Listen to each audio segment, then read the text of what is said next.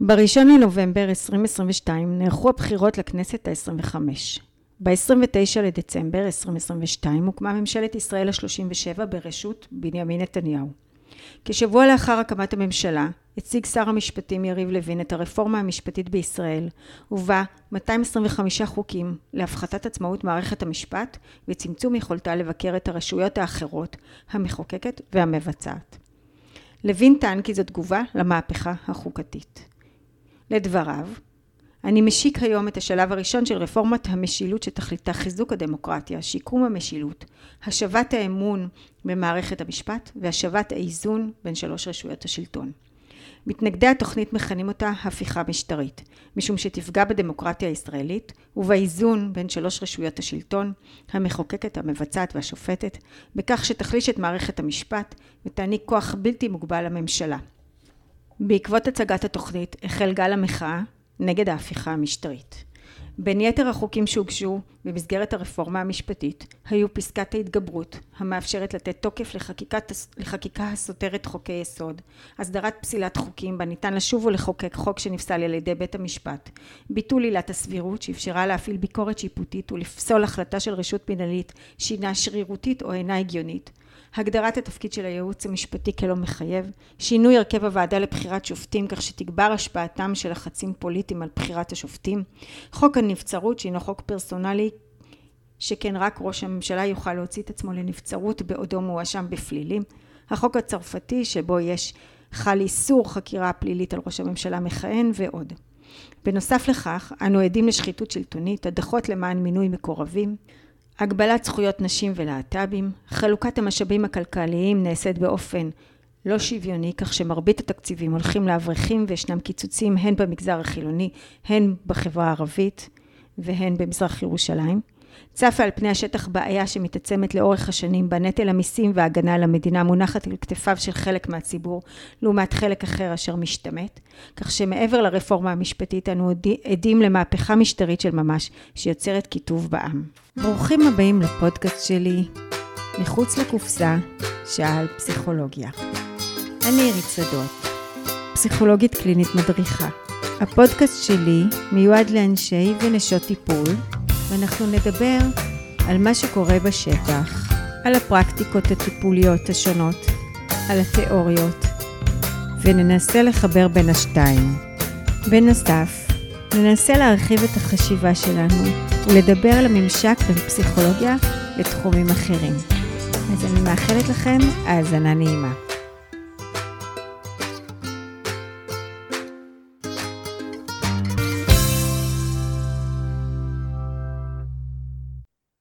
שלום, שלום. היום אנחנו בפרק 99, ולכבוד uh, המציאות שלנו פה בארץ, אז uh, אנחנו בתקופת המחאה, הרפורמה המשפטית, uh, אז אני מארחת פה פסיכולוגים ופסיכולוגיות uh, פעילים בנושא של המחאה. תכף תציגו את, את עצמכם, אבל זה פרופסור יוסי לוי-בלז, יואב גרובייס, אילי כוכבי, תציגו את עצמכם אחד אחד, ואנחנו ככה ננסה לגעת בסוגיות הבוערות שמתרחשות היום אה, במדינה היקרה שלנו.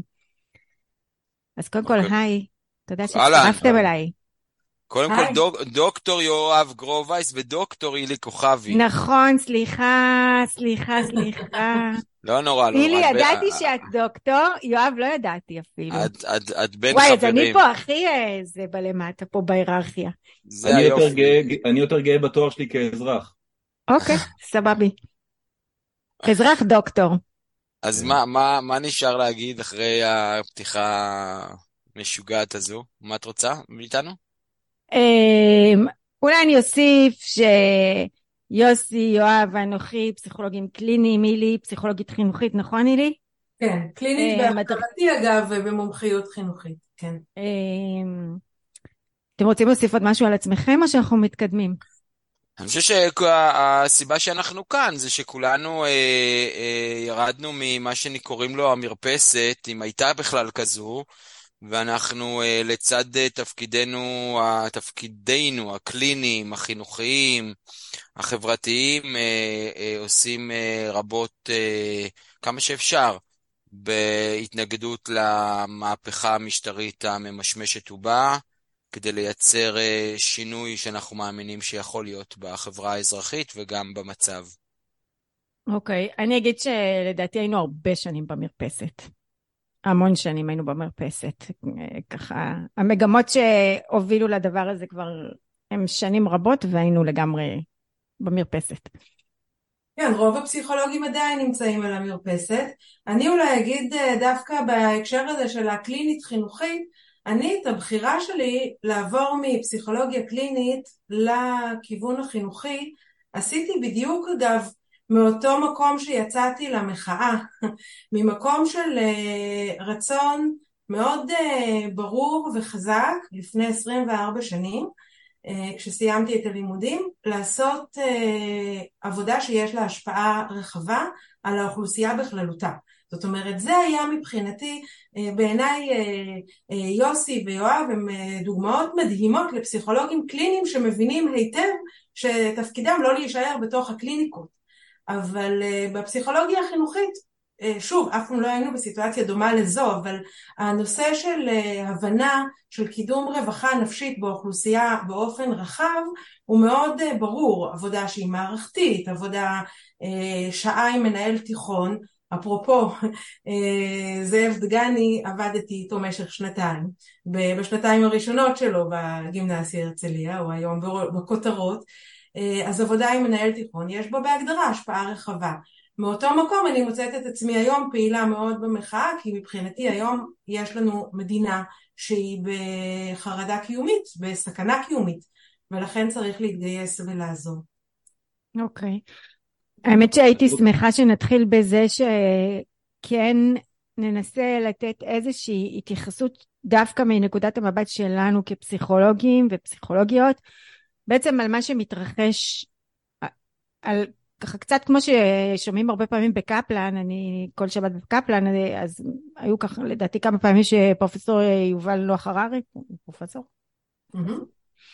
אה, אה, דיבר ככה על מגמות מבחינה היסטורית, והייתי שמחה שיהיה פה את האינפוט שלנו כפסיכולוגים אה, על בעצם על הדבר הזה, הזכרת קודם חרדה קיומית, סכנה, סכנה קיומית, האמת שזה חשוב, ההבחנה היא חשובה, כי כשאנחנו מדברים על חרדה, אנחנו מדברים על אה, תגובה מוגזמת לאיזשהו איום, פה בעיניי התגובה היא לא מוגזמת, אלא אולי תת תגובה, כי אם נקלוט את גודל האיום, ומה שמשותף, אה, אני חושבת לארבעתנו שאנחנו קולטים, או קרובים לקלוט, אז אנחנו לא נהיה בחרדה, אנחנו נהיה רק בפחד שמניע לפעולה, זאת אומרת רק ברחובות ורק במחאה ולא נעשה שום דבר אחר. אז הסכנה היא קיומית בעיניי, כן. כן. ובהקשר הזה יש שיגידו אה, באמת אה, אלה השמאלנים או whatever עם חרדה קיומית, זאת אומרת זה שלהם, כאילו אם אני אתן קונטרה שנייה של אה, הצד השני אה, באמת אה, התחרפנתם על הראש ואתם אה, בחרדה, זה קשור אליכם, זה לא קשור אלינו. אז uh, מי רוצה להתחיל? נראה לי יואב. יואב שקט. תראי, אני, כאילו המחשבה הראשונה שעולה לי בהקשר למה שאת uh, מציעה, החלוקה הזו בין uh, נגיד uh, uh, ציבור אחד גדול שאחוז בחרדה גדולה לבין ציבור גדול אחר שלא אחוז באותה חרדה, זה שזה uh, המקום איפה שנוצר קרע גדול מאוד, כן? הוא לא קרע שהוא רק סביב השקפת עולם שונה או סביב uh, אידיאולוגיה מנוגדת או מטרות שונות, הוא המקום איפה שהפער בעולם הפנימי ומבחינת החוויה הרגשית הוא, הוא אדיר. אני חושב שאחד הדברים שיוצרים את המרחק הכי גדול בין בני אדם הוא המצב שבו אנשים אה, אה, מחזיקים בסולם ערכים אה, אה, שונה, מחזיקים בהשקפת עולם מוסרית שונה, בלי להגיד מה נכון ומה לא נכון, אבל המצב הזה שאני מפרש את המשהו במציאות בצורה אחת וזה בנפשי ו- וזה קיומי עבורי, ומישהו אחר מפרש את זה בצורה הפוכה לגמרי, יוצרת בינינו מרחק שמאוד מאוד מאוד קשה לגשר עליו, הוא אפילו יכול להיחוות כמו, כמו בגידה, אה, וזה מקום איפה שאנחנו רואים קשרים קרובים נופלים, ואנחנו רואים אפילו קהילות מתפרקות כרגע, ואנחנו רואים את המשבר הנורא ש, ש, שפוקד את החברה שלנו, הוא קשור בדיוק למקום הזה. אני, אני רוצה להגיד עוד משהו על זה, ואולי אני רק אמשיך את יואב, אולי זה יהיה לכיוון אחר, אבל אני חושב שצריך לקחת בחשבון שהפסיכולוגיה, ובטח הפסיכולוגיה הקלינית וגם החינוכית, אוהבת להסתכל על העולם באופן מורכב. אין אמת, הכל הוא uh, פרשנויות, יש אפשרות להסתכל על זה ככה וככה, מישהו מגיע אליי לקליניקה, יש המון המון זוויות להסתכל על זה, הכל סובייקטיבי מאוד. וכשאני מסתכל על העולם בצורה סובייקטיבית, אז אני יכול לנסות להבין את כולם, להיות אמפתי לכולם. אה, היה יופי של שלט בתחילת המחאה בקפלן, שאמר שמי שהרביץ ליריב לוין כשהוא היה ילד, שיבקש סליחה ונגמור עם זה. אז, אה, אז זה משהו בסגנון הזה שאפשר להבין את כולם ולמה הם עושים ואיך הם עושים. אבל יש מקומות שבהם זה צריך להיפסק. אני לא זוכר אם זה היה וויניקוט או בולבי, שמספרים עליו, לדעתי בולבי, שנכנס לישיבה הפסיכואנליטית באנגליה, וויניקוט, וויניקוט, אז תספרו, תספרו אתם, אתם מכירים. תמיד לא, לא. תניח וויניקוט. כן, וכשהם מדברים על האגרסיות התוקפניות מבפנים, הוא אומר, אבל יורים טילים בחוץ. אז יורים טילים עכשיו בחוץ. ואז הייתה שתיקה בחדר, ואף אחד לא אמר מילה, והם המשיכו לדבר על העולם הפנימי ועל ההשלכות וכו'. לא, לא, צריך, צריך לחדד. המקרה הזה קרה בדיוני המחלוקת. נכון. המחלוקת, והמילה הזאת היא מאוד חיה היום בשפה. נכון. כי אם, אם, אם יוסי, אני יכול להתחבר למה שאתה אומר, אה, אה, אה, ברגע שאנחנו אומרים, טוב, יש פה מחלוקת, אז כשיש מחלוקת, יש לנו פה נקודות מבט שונות, יש פה פירוש שונה למציאות ולכתובים, ואז אנחנו יכולים לדבר, ואנחנו יכולים להתפלמס, ואנחנו יכולים לחפש עמק שווה, ופה אין עמק שווה. פה אין, אין בין, בין, אני כל הזמן אומר, בין תרופה למחלה, אין עמק שווה. רגע, אבל יוסי, אני רוצה... לסיים, מה שנקרא, כי אה, זה, אני רשמתי לעצמי בצד לא לספר סיפורים על פסיכולוגים ליד פסיכולוגים, כי זה הופך להיות אה, סיפורים ארוכים. אבל ברצינות, אה, אז בשונה מהמצב הזה של סובייקטיבי והתבוננות על כמה רבדים, יש היום מצב שבו יש אמת אחת. ויותר מזה, מה שאנחנו עדים בוקר וערב, בחדשות, בעיתון, בטוויטר, בפייסבוק, זאת מתקפה על האמת. ה post-truth וכל הדבר הזה, שלא משנה מה אני אגיד, העיקר אמרתי את זה, זה כבר נחשב. זאת מתקפה על הנפש שלנו, כי היא גורמת לנו להרגיש שכל מה שאנחנו חווים ומתבוננים בו, זה העולם הפנימי שלנו. אבל יש אמת, ועכשיו אחת בצהריים וזורחת שמש, ואף אחד לא יכול להגיד שזה סובייקטיבי שזורחת שמש, ואני חושב שחלק מהקושי בלרדת מהמרפסת זה היכולת להגיד לא, יש מקומות שבהם זה לא סובייקטיבי, ובהם אנחנו לא אמפתיים לכולם באותה מידה, ויכולים לקבל את זה שיש מחלוקת ויש אופציות שונות, אלא אנחנו מוכנים להגיד אמירה עם סימן קריאה. עכשיו, אולי לא סתם, כל האנשים פה הם בנוסף לתפקיד הקליני, של, הקליני שלהם, הם גם אנשי אקדמיה ומרצים. כי זה פער נורא גדול בין הקלינאי שאומר בסוף סימן שאלה, והמרצה שנותן סימן קריאה בסוף, כי כאן יש סימני קריאה. ואני רוצה להגיד על זה שני דברים, ועם זה אני אסיים. אחד, ההתקפה הזאת על האמת היא מה שגורם לנו כמוחים, חלק מהקושי הגדול ביותר, בנוסף לכל מה שקורה. כי זה באמת התחושה של אני לא מבין מה קורה כאן כשאומרים דברים שהם הפוכים למציאות, זה ממש מטלטל. והדבר השני, זה שזו זכות גדולה להיות איש מקצוע, פסיכולוג, או כל איש מקצוע אחר, שמוכן להגיד, כן, יש לי תפקיד, ובתפקיד בקליניקה אני עושה איקס הכי טוב שיש. אבל במחאה או בעשייה הציבורית שלי, אני זז מהתפקיד שלי, אני לא רק פסיכולוג 24-7. ואני אגיד ששני האנשים פה, לידי, גם יואב וגם אילי, עושים בדיוק את זה בצורה דרמטית, גם בעיתונות, גם ב- ב- במדיה החברתית, גם ב- בתקשורת, גם בציבוריות, גם בהפי. וזה קריטי, כי יש המון אנשים שרוצים לרדת מהמרפסת, אבל הם צריכים modeling לזה. וזאת הסיבה שאני כאן בפודקאסט הזה, כי אני חושב שהרבה אנשים יקשיבו כדי להבין האם הם יכולים לעשות את הצעד הזה, אם יש לו לגיטימציה, כי הם רוצים אותו, כי זה בוער מהם מבפנים, אבל הגילדה כאילו אומרת לנו לא. אז אני רוצה להגיד לפסיכולוגים הנפלאים האלה, הגילדה לא אומרת לנו לא, היא אומרת לא לעשות את זה בקליניקה, אבל היא אומרת שלהיות אזרח, כמו שיואב אמר בהתחלה, זה יותר חשוב מלהיות פסיכולוג ויותר חשוב מלהיות פרופסור. זהו. אני רוצה רגע לחדד, כי הזכרת את דיוני המחלוקת במלחמת העולם השנייה, השנייה זה היה, יואב?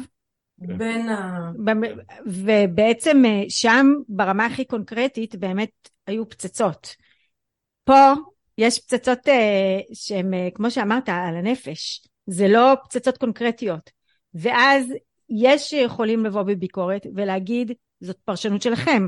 אתם רואים את זה במשקפיים שאני יכולה להסתכל על זה שאני עובדת עם נפגעות התעללות נרקיסיסטית של אה, אה, מנהיגות שעושה, שבעצם היא מעין מתעללת, מתעללת באזרחיה ועושה ומשתמשת בגז לייטינג שזה היום כולם מדברים על גז לייטינג שזה מה שדיברת על מכבסת מילים שמוכרת דמוקרטיה ובעצם מייצרת דיקטטורה ומי אני האם אני יש לי זכות כפסיכולוגית להביע לתת פה איזה דיאגנוזה למה שמתחולל האם אני יכולה לשפוט?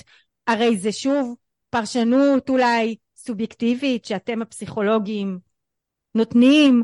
זה לא קונקרטי, אנחנו לא במלחמת יום כיפור, אנחנו לא במלחמת לבנון, אנחנו לא במלחמת אה, המפרץ אפילו. לא, אנחנו... אז אני, אני אתייחס לזה, אני חושבת שיש פצצות והן קונקרטיות מאוד, הן אה, מושלכות במילים ולא בטילים, אבל כששר, אה, שר רווחה בממשלת ישראל אומר שטובת הילד לגדול עם אימא ואבא, הוא משתמש במושג משפטי שנקרא טובת הילד, שבאופן הכי פרדוקסלי הוא זה שאמון על טובת הילד, זאת אומרת משרד הרווחה אמון לבחון את טובת הילד, אבל הוא אה, אומר דברים שלא מבוססים בשום צורה אה, מחקרית ומדעית, כי אנחנו יודעים שטובת הילד אה, היא לגדול עם הורים מיטיבים, וההורים האלה יכולים להיות הורה יחידני, זה יכולים להיות הורים להט"בים, זה יכול להיות כל צורת משפחה שהיא, אז זו פצצה, זו פצצה שפוגעת ישירות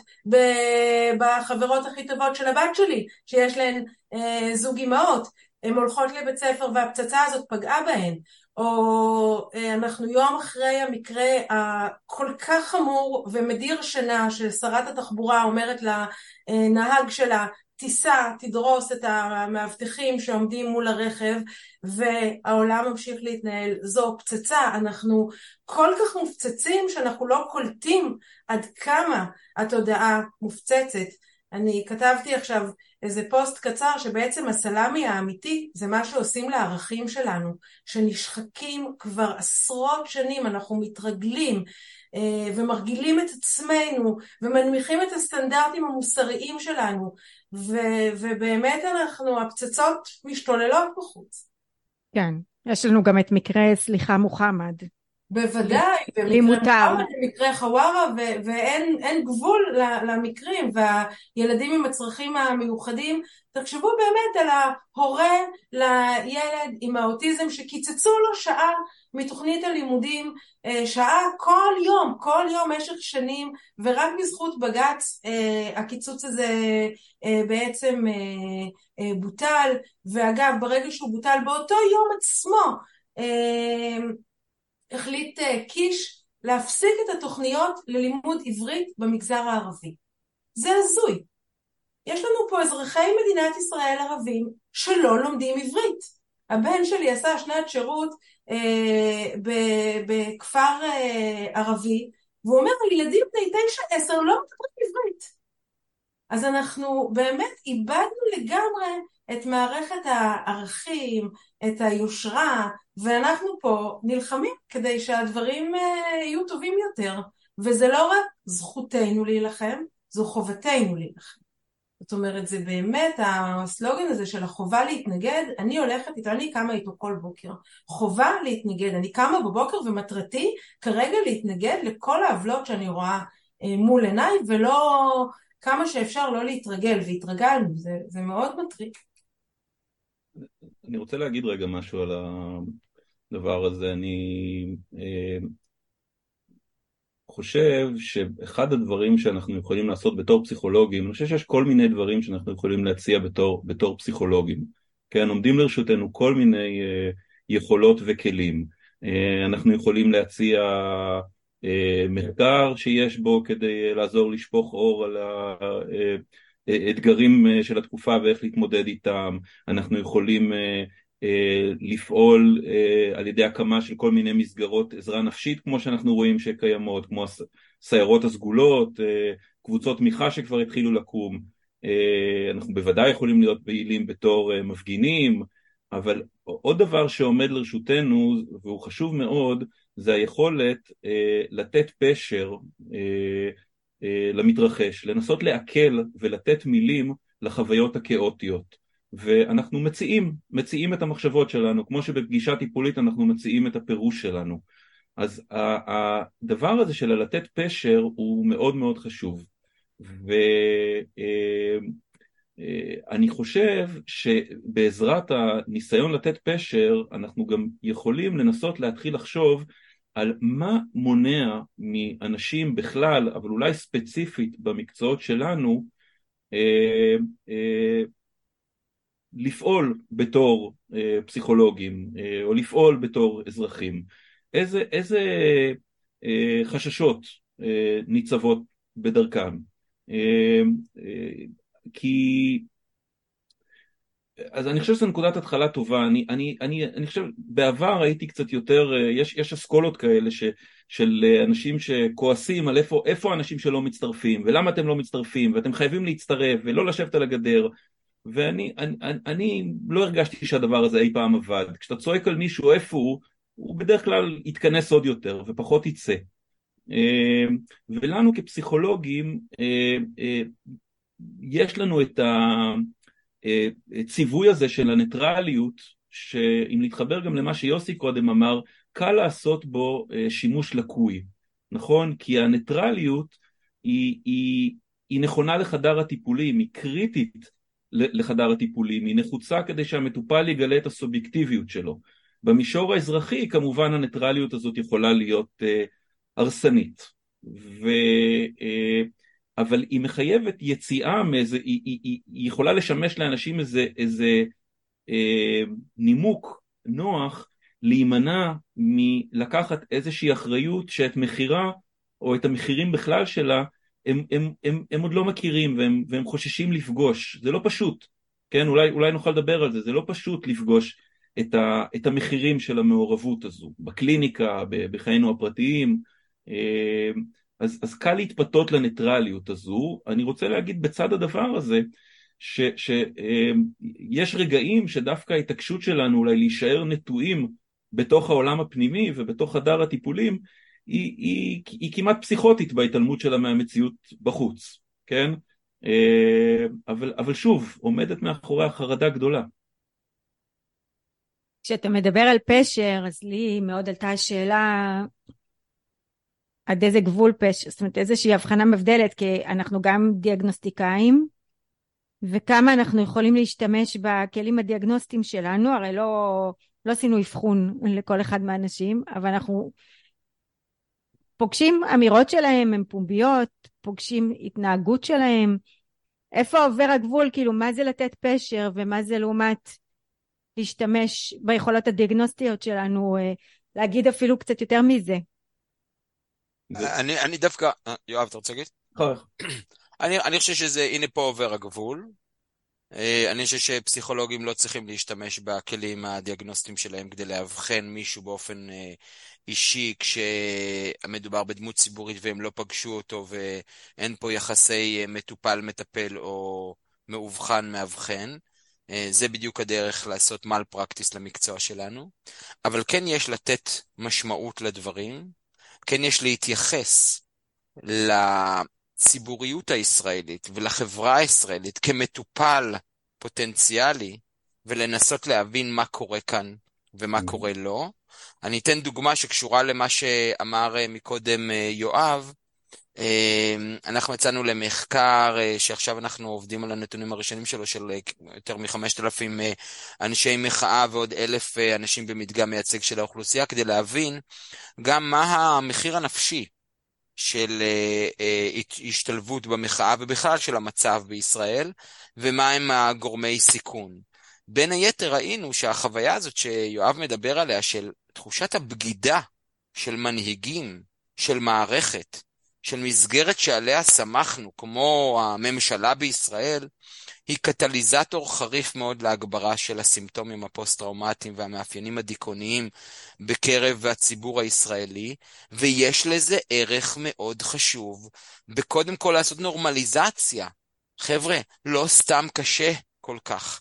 קשה כל כך כי האבות הרוחניים שלנו, מנהיגי המדינה, גם אם אנחנו לא בעדם, אבל הם עדיין בבסיס האבות הרוחניים שלנו, אם הם בוגדים בבס... ב... ב... בעמדה הבסיסית של מה הם צריכים לעשות למען המדינה, אנחנו שבורים. וזה מסר חשוב שאנשי אה, טיפול ואנשי חינוך יכולים להעביר, כי הוא קריטי לנורמליזציה, וגם קריטי להבנה מה קורה לי, כמו שאומרת הילי, מה קורה לי כשאני קם בבוקר? למה אני כל כך אה, לא מוצא את עצמי? אני חושב שכולנו באזור אה, חודש ינואר, פברואר, מרץ, לא מצאנו את עצמנו. אני אה, מפרסם אה, לא מעט מאמרים, יש לי חור בין ינואר לאפריל שלא עשיתי כלום. מכלום. כל מה שעשיתי זה הייתי בהפגנות וקראתי אה, אה, ynet, עד טיפה התאוששתי לאפשרות לדעת איך לשלב בין השניים. לאלה, לזה יש מסר חשוב שאנחנו יכולים להעביר למוחים וגם בכלל. כן, אני אתחבר למה שיוסי אומר אולי מהמקום הזה של, של האמון. אמון הוא סוג של דבק. אה, אנחנו שולחים כל יום ילדים למסגרות חינוכיות מתוך אמון. אנחנו נותנים אמון בדמויות החינוכיות שהן רוצות בטובתם. אני שנים אומרת לסטודנטים שלי, סטודנטים לפסיכולוגיה חינוכית, שזה סוג של נס שהורים אה, מפקידים את אה, ילדיהם היקרים מכל בידי דמויות חינוכיות שהם לא בחרו אותן אחת אחת, ועדיין רוב הזמן זה עובד. עכשיו, בזכות מה זה עובד? זה עובד בזכות האמון. בזכות זה שאם אני שולחת ילד קטן לגן, אז אני יודעת שהגננת בסך הכל רוצה בטובתו. היא אולי לא הגננת האידיאלית, אבל היא רוצה בטובתו, והמחנכת רוצה בטובתו, ומנהלת בית הספר רוצה בטובתו וכולי. וזה אחד הדברים הכי בסיסיים שנפגעו עכשיו. אה, אגב, הם לא נפגעו עדיין, למרבה המזל, ברוב מערכות החינוך, אבל הם נפגעו מול הממשלה, כי אם שר החינוך הוא אדם שאי אפשר כיום לסמוך על המסרים שהוא מחדיר לתוך מערכת החינוך, ומנכ"ל משרד החינוך התפטר, והנושא עשה הרבה פחות מדי רעש ממה שהוא אמור היה לעשות ומיד חזרנו לאיזושהי שגרה ואבי מעוז קיבל תקציבים של 285 מיליון שקלים כדי להשתלט ולהחדיר תכנים לתוך החינוך הממלכתי.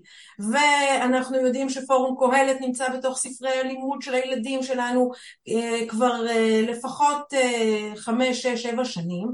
הדבר הזה הוא באמת עלול לפורר חברה כי אין אמון כי אתה אומר, אוקיי, אז לאן אני שולח את הילדים? לאן אני שולחת את הילדים? מה מספרים להם שם? עכשיו, בעיניי אחד התפקידים שלנו זה גם לעשות קצת הבחנות ולהגיד, בואו לא נשפוך את התינוק עם המים, וכן נסמוך על המורים והמורות והמנהלים והמנהלות אה, הם אנשים ליברליים, עוד לא אמרנו את המילה ליברליות שחייבת להיאמר פה שוב ושוב, הם אנשים אה, שזכויות הפרט חשובות להם, הם רוצים בטובת הילדים שלנו, הבעיה היא בדרג אה, שמעליהם, ואני לא מקנאה בהם אגב, אנחנו כאן מדברים בצורה גלויה, מרשים לעצמנו להתבטא, למנהלת בית ספר הרבה הרבה יותר קשה היום להתבטא, יש כמה וכמה מנהלים אמיצים שעושים את זה, וזה מאוד חשוב. אני, אני רוצה להגיד בהמשך ישיר אה, לדברים שלך, הילי, שאני חושב שחלק מהקושי אה, אה, שנגיד שיתק חלק מהציבור עד עכשיו, כמובן לא רק במקצוע שלנו אלא בכלל, אה, קשור הכרה מעוררת האימה בזה שיש הורים שהם לא יודעים מה, מה הם עושים, או אפילו יותר גרוע מזה, שהם אה, נוהגים ברשלנות פושעת, אה, ומעמידים בסיכון את הילדים שלהם, כן? הורים וה... מטאפורים אתה מתכוון, ברור, כמובן. וה... ישבתי לא מזמן עם חבר, גם הוא פסיכולוג, גם הוא מעורב כבר כמה שנים, והוא, דיברנו על זה שאנשים מדברים איתנו בחודשים האחרונים ואומרים לנו צדקתם כבר אז. והוא שאל את השאלה ריבונו של עולם איך, אנחנו לא כאלה חכמים עם כל הכבוד אנחנו לא כאלה חכמים איך, איך, איך רק עכשיו מבינים את זה?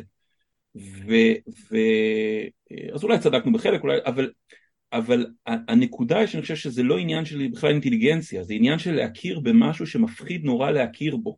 מפחיד נורא להכיר בזה שההנהגה של המדינה היא, היא, היא אה, אה, יכולה לנהוג בכזו רשלנות פושעת. מפחיד נורא להכיר בזה שהגוף שאמון נגיד על הסדר הציבורי ושמירת החוק כמו המשטרה מסוגל למופעים כל כך אלימים ודורסניים ואיומים ונוראים. מפחיד להכיר בזה שנגיד אה, אה, אנשים שהנהיגו אה, את הצבא ושלחו חיילים אל הקרב יכולים להיות כל כך לא מחוברים למציאות.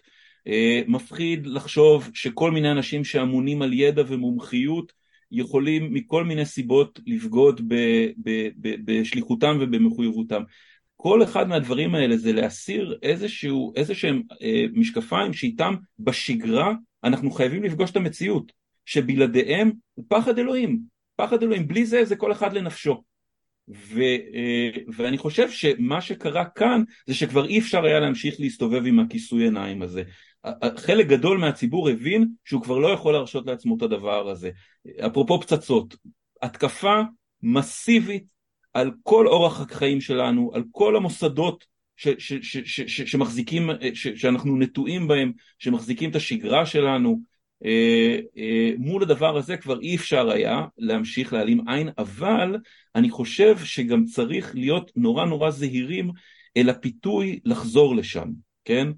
אה, נורא נורא זהירים לאן אנחנו רצים ואת מי אנחנו ממהרים לשים לפנינו כדי להרגיש שוב שיש מישהו שמוביל אותנו, שאנחנו בידיים טובות, שיש מי שמטפל בנו, כן? אז, אז יש כאן איזה משהו, איזה מרחב ש, שלקח זמן לפתוח, אבל גם צריך להיות מסוגלים להשאיר אותו פתוח עכשיו, כדי אה, אה, ללוות את התהליך הזה אה, עד לנקודה שהוא חייב להגיע אליה, ולא לעצור באמצע הדרך. אתה מעלה פה את העניין שככה דובר בימים האחרונים על הניסיונות לפשרה. אמ, גנץ, לפיד עם נתניהו ו- וכל הנושא של פשרה ו- וגם זה מעלה גם את הנושא של ה...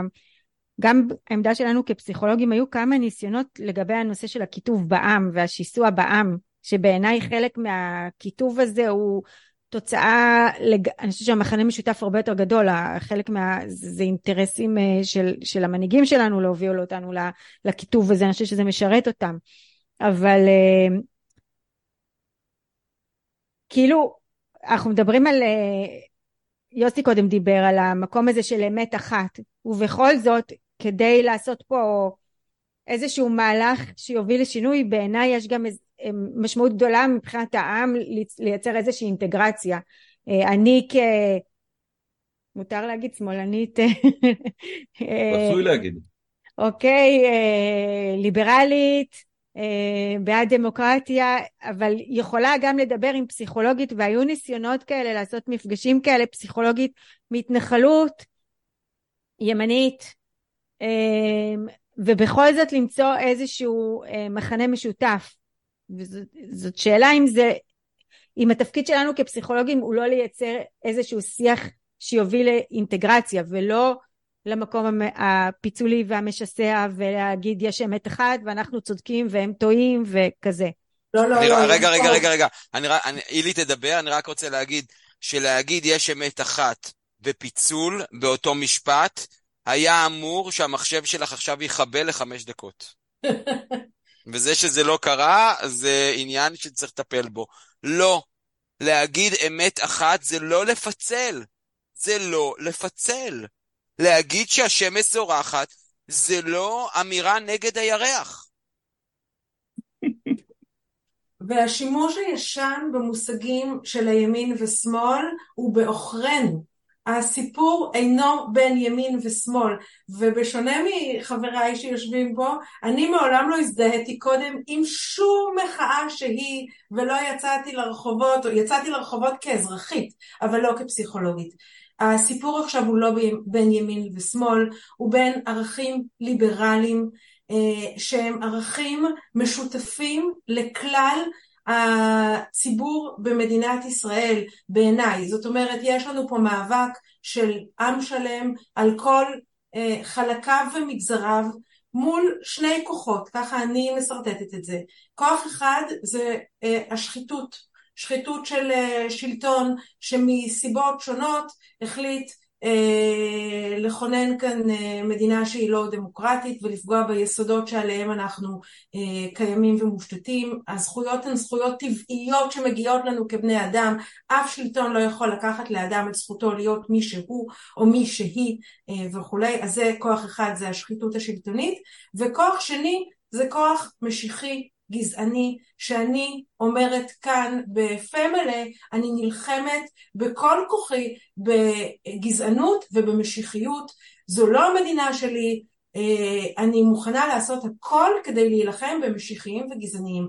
זה לא קשור לימין ושמאל, יש לי הרבה מאוד חברים וחברות ימניים, דתיים וגם אנשים חרדים שנמצאים ברמות כאלה ואחרות בתוך המחאה. בואו נזכור שזה לא פשוט להיות אדם שהצביע ב-1 בנובמבר למפלגת ימין ולצאת לקפלן אה, היום ב-1 בספטמבר, אוקיי? זה, זה מאוד מסובך ברמה הפסיכולוגית אגב, דיסוננס קוגניטיבי הכי קשה שיכול להיות. אבל אנחנו צריכים לעזור להם, לעזור להם להגיד, תקשיבו, בדיוק אני מתחברת לאמת שיוסי מדבר עליה, הדבר הזה פוגע בכולנו באותה מידה, אף אחד מאיתנו לא ירוויח מחיים אה, במדינה דיקטטורית, בחיים במדינה בלי אה, הפרדת רשויות, בלי יכולת להגן על זכויות של מיעוטים, זכויות הפרט, כל אחד מאיתנו הוא אדם, הוא פרט, אנחנו כולנו רוצים הגנה על זכויות אדם.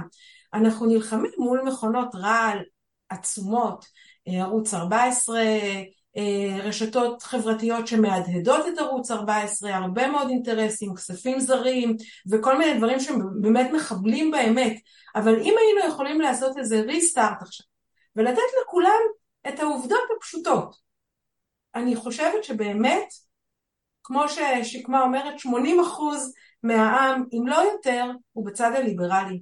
והוא בצד של המחאה, ו- ולכן זה גם אה, אמור להיות uh, הצד שמנצח את המאבק הזה.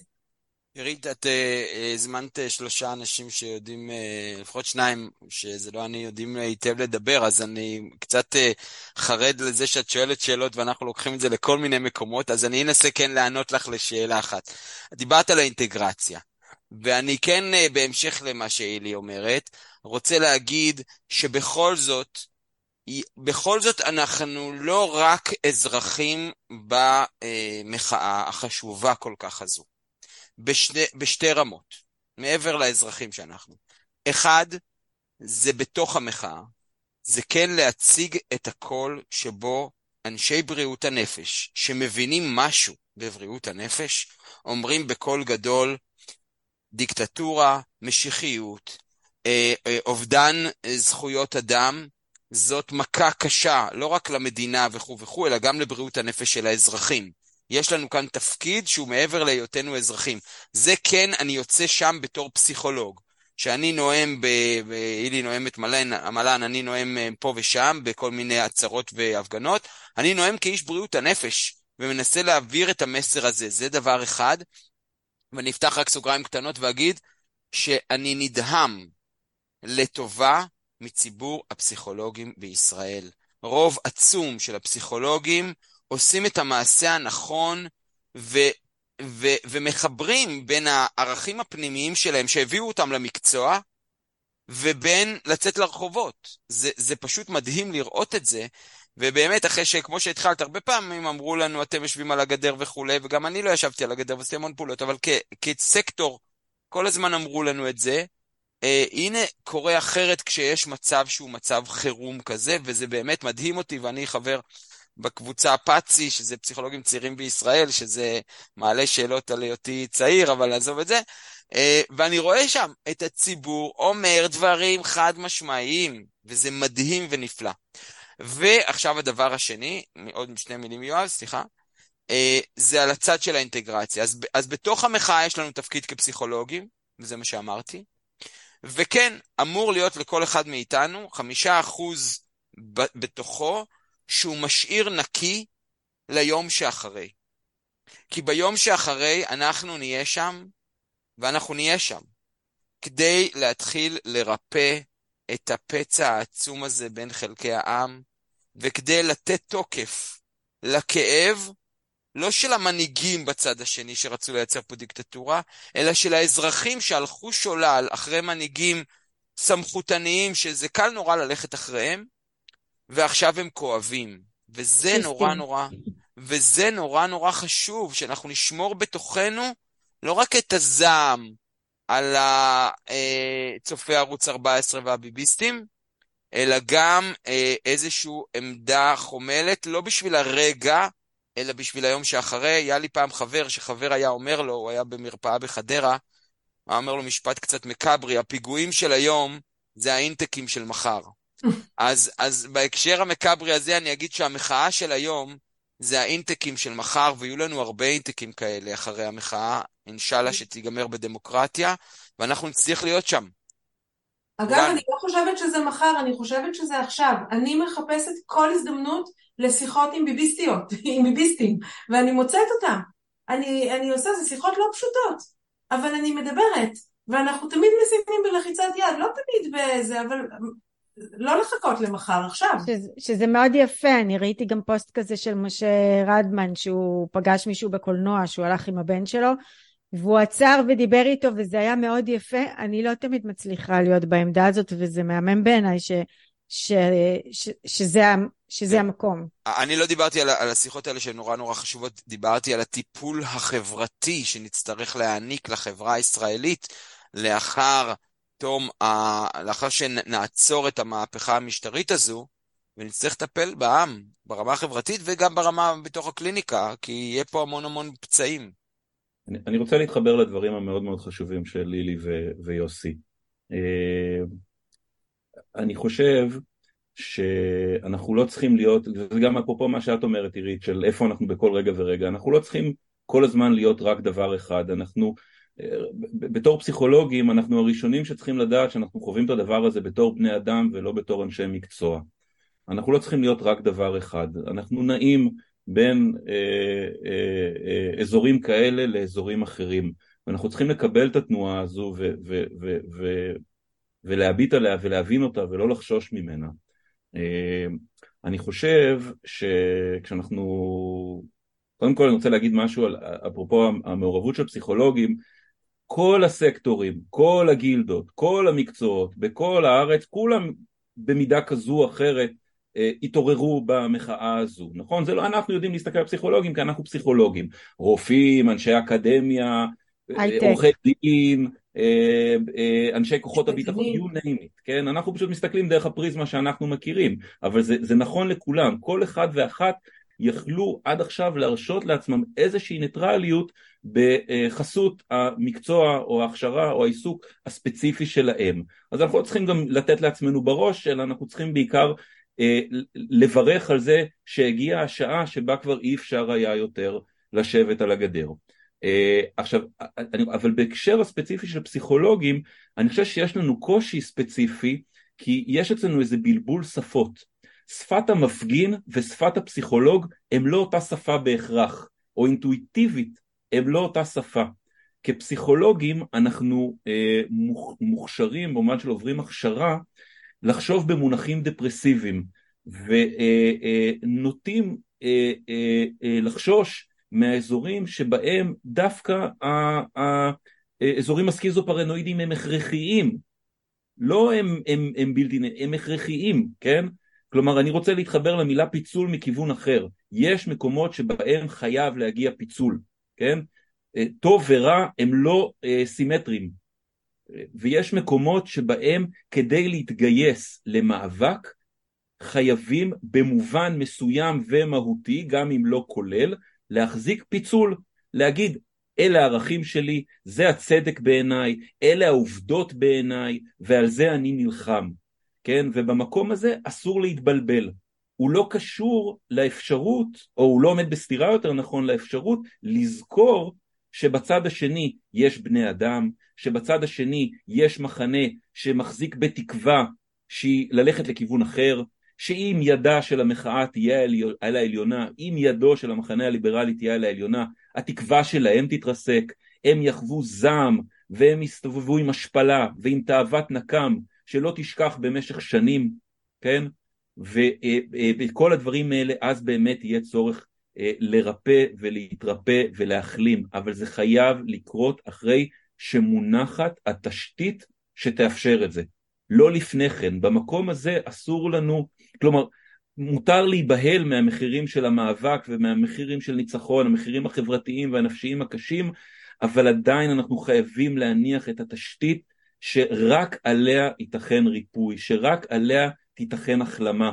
תשתית שבה הערכים של כל אחד ואחת מאיתנו אה, אה, מאפשרים את הקיום של הערכים של אחרים, שהתקווה שלנו לא מוחקת את התקווה של אחרים, כן?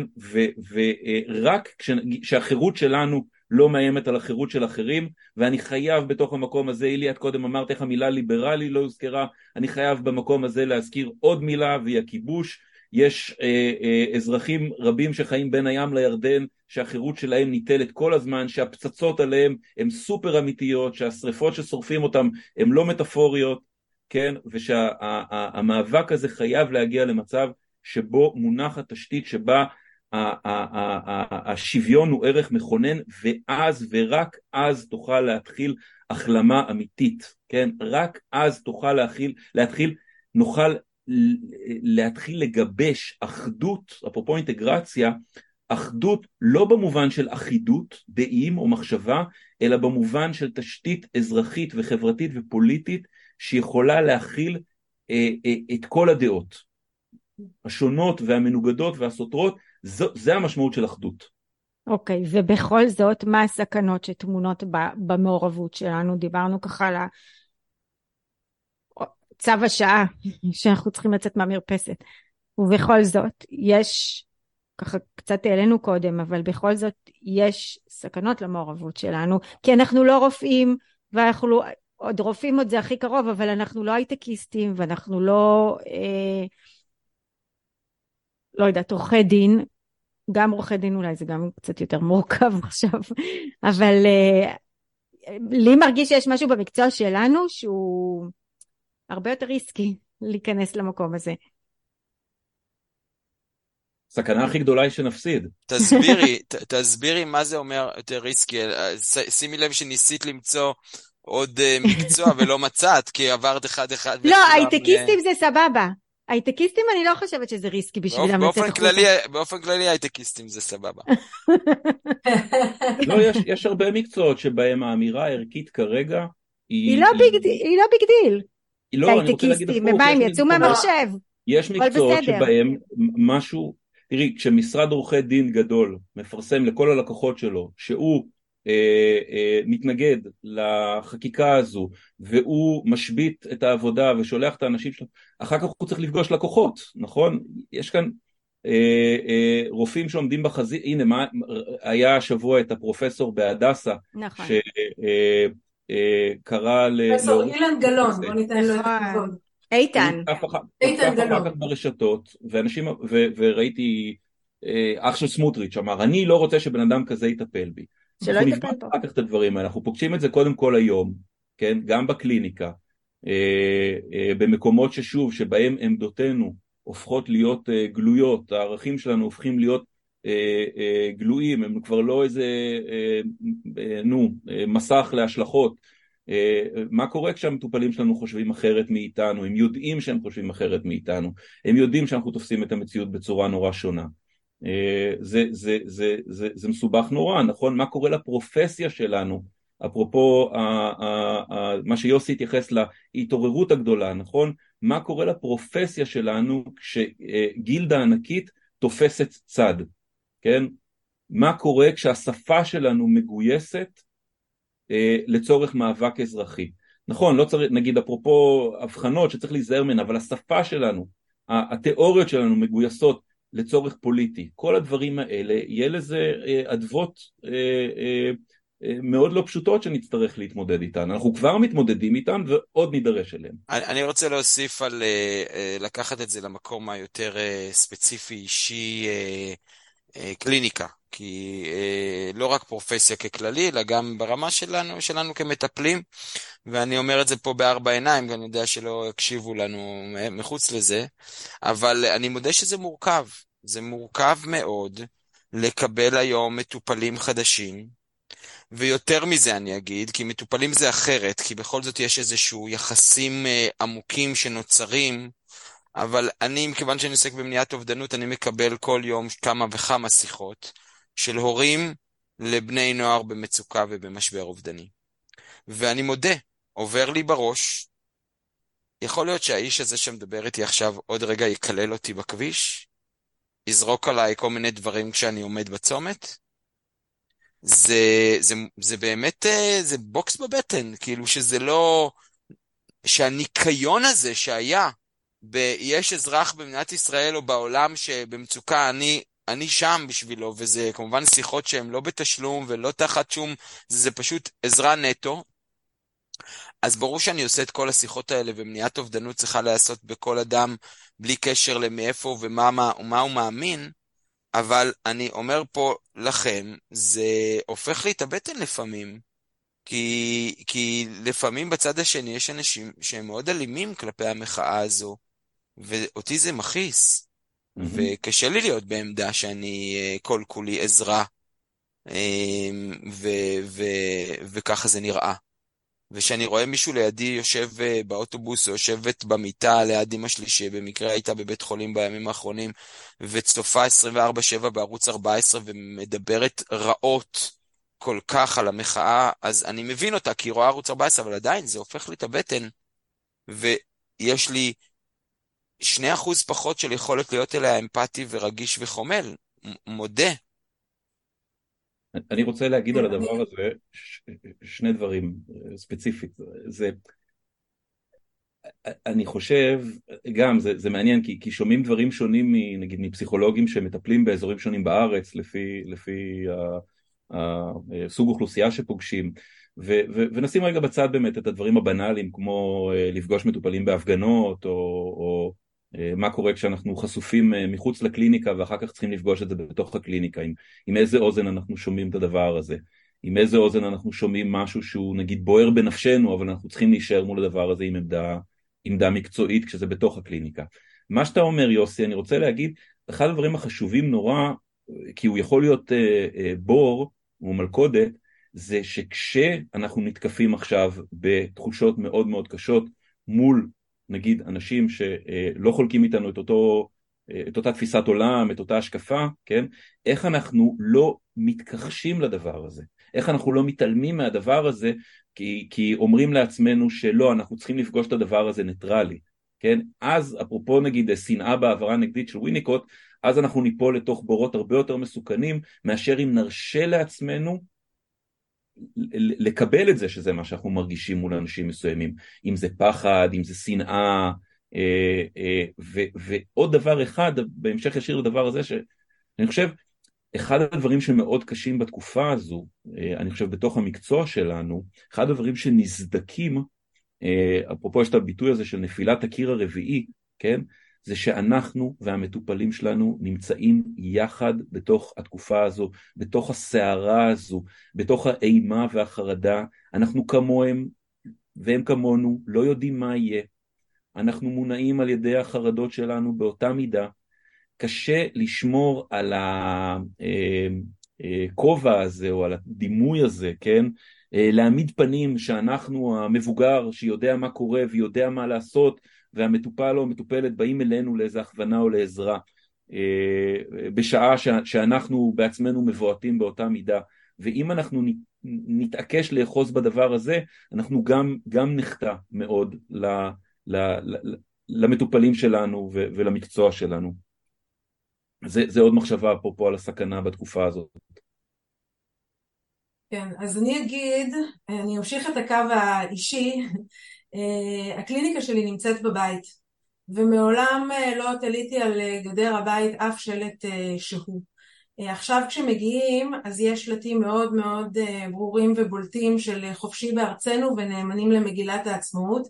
זאת אומרת, כל מטופל, לקוח שמגיע אליי לקליניקה יודע בדיוק אה, מה העמדות שלי, גם אה, תמונת הפרופיל בוואטסאפ שלי כבר הפכה להיות תמונת מחאה, ומבחינתי אה, אני לא יכולה לעבוד בלי להזדהות עם הערכים של המחאה. זאת אומרת, אני לא הייתי מוכנה ללכת היום לקבל טיפול מפסיכולוג שאני לא יודעת מה עמדותיו, שהוא ניטרלי. זאת אומרת, המילה ניטרליות, כמו המילה פשרה וכל מיני מילים אחרות שתמיד צבענו אותם באיזה גוון חיובי, היום הן לא חיוביות, המילה פשרה היא לא חיובית, המילה ניטרליות היא לא חיובית כי אין גדר במאבק הזה וצריך להתמקם במקום הנכון ואני מרגישה נטועה במקום הנכון.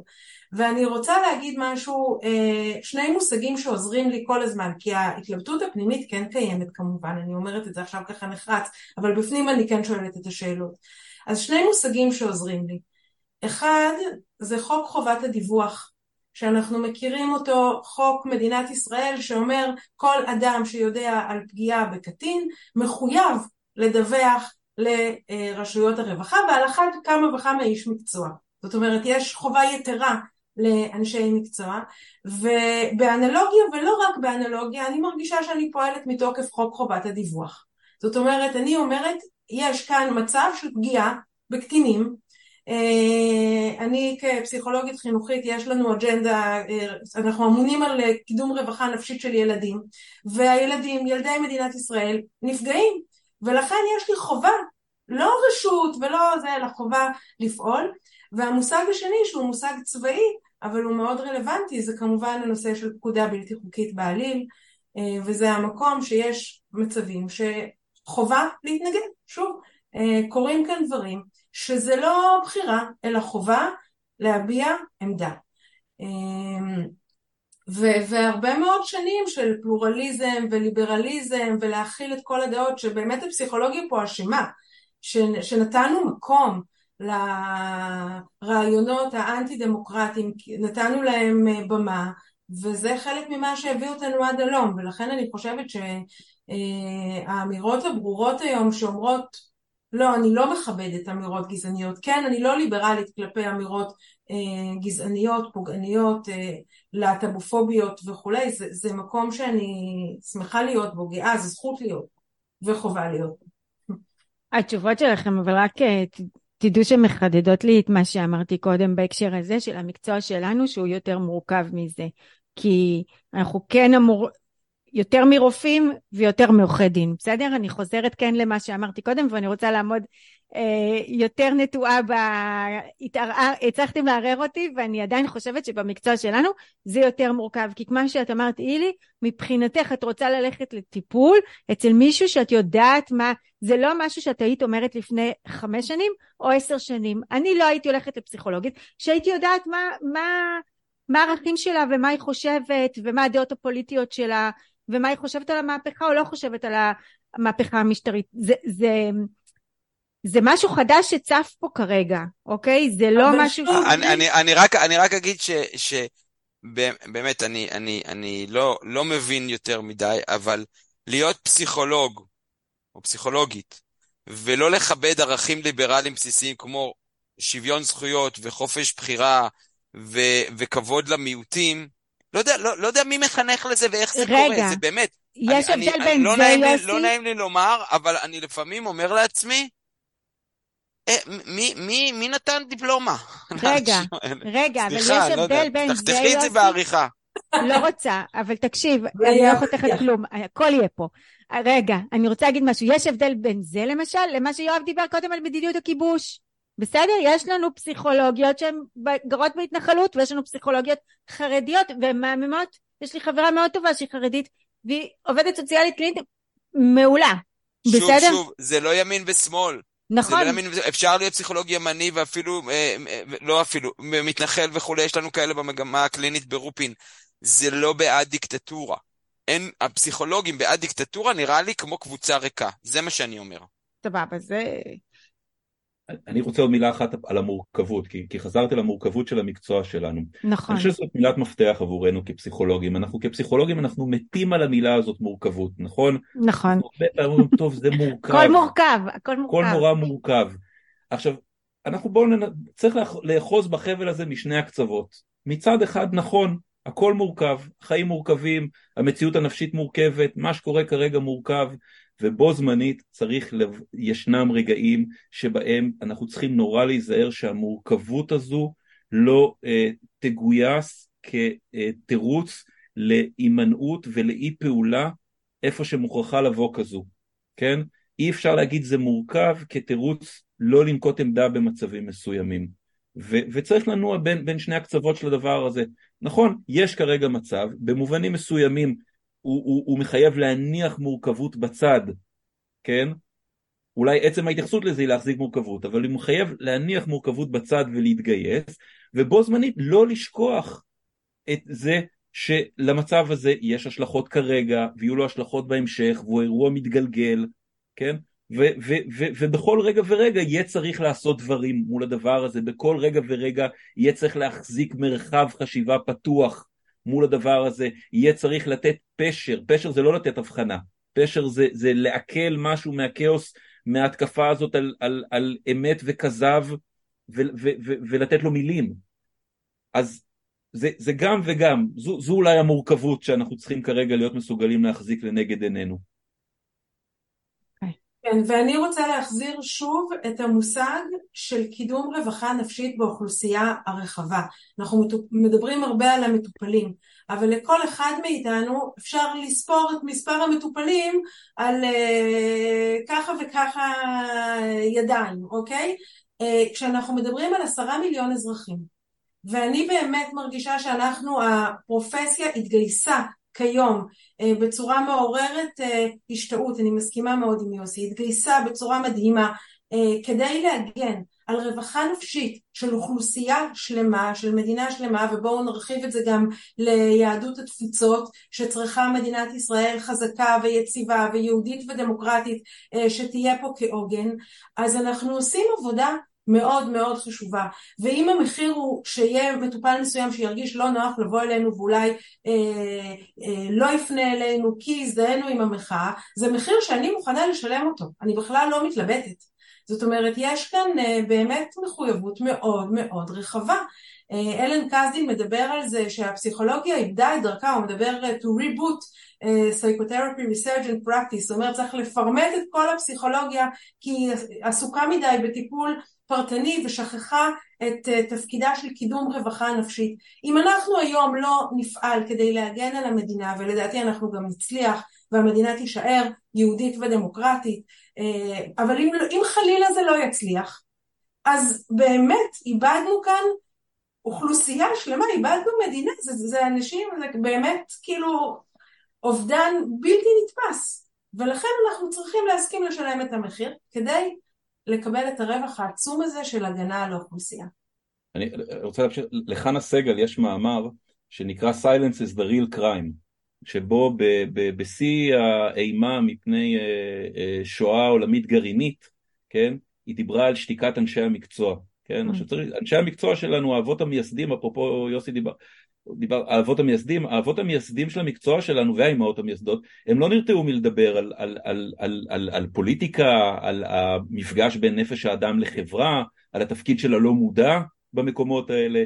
אז לחנה סגל יש מאמר ש, ש, ששווה לקרוא אותו, שנקרא Silence is the real crime, על ההימנעות של אנשי מקצוע מלהציע את המושגים שלנו ואת החשיבה שלנו אה, אה, כדי אה, אה, להתגייס למטרות אזרחיות חשובות. ואני רוצה עוד דבר אחד, כי אנחנו כל הזמן שמים את הדגש על המטופלים שאולי חושבים אחרת מאיתנו.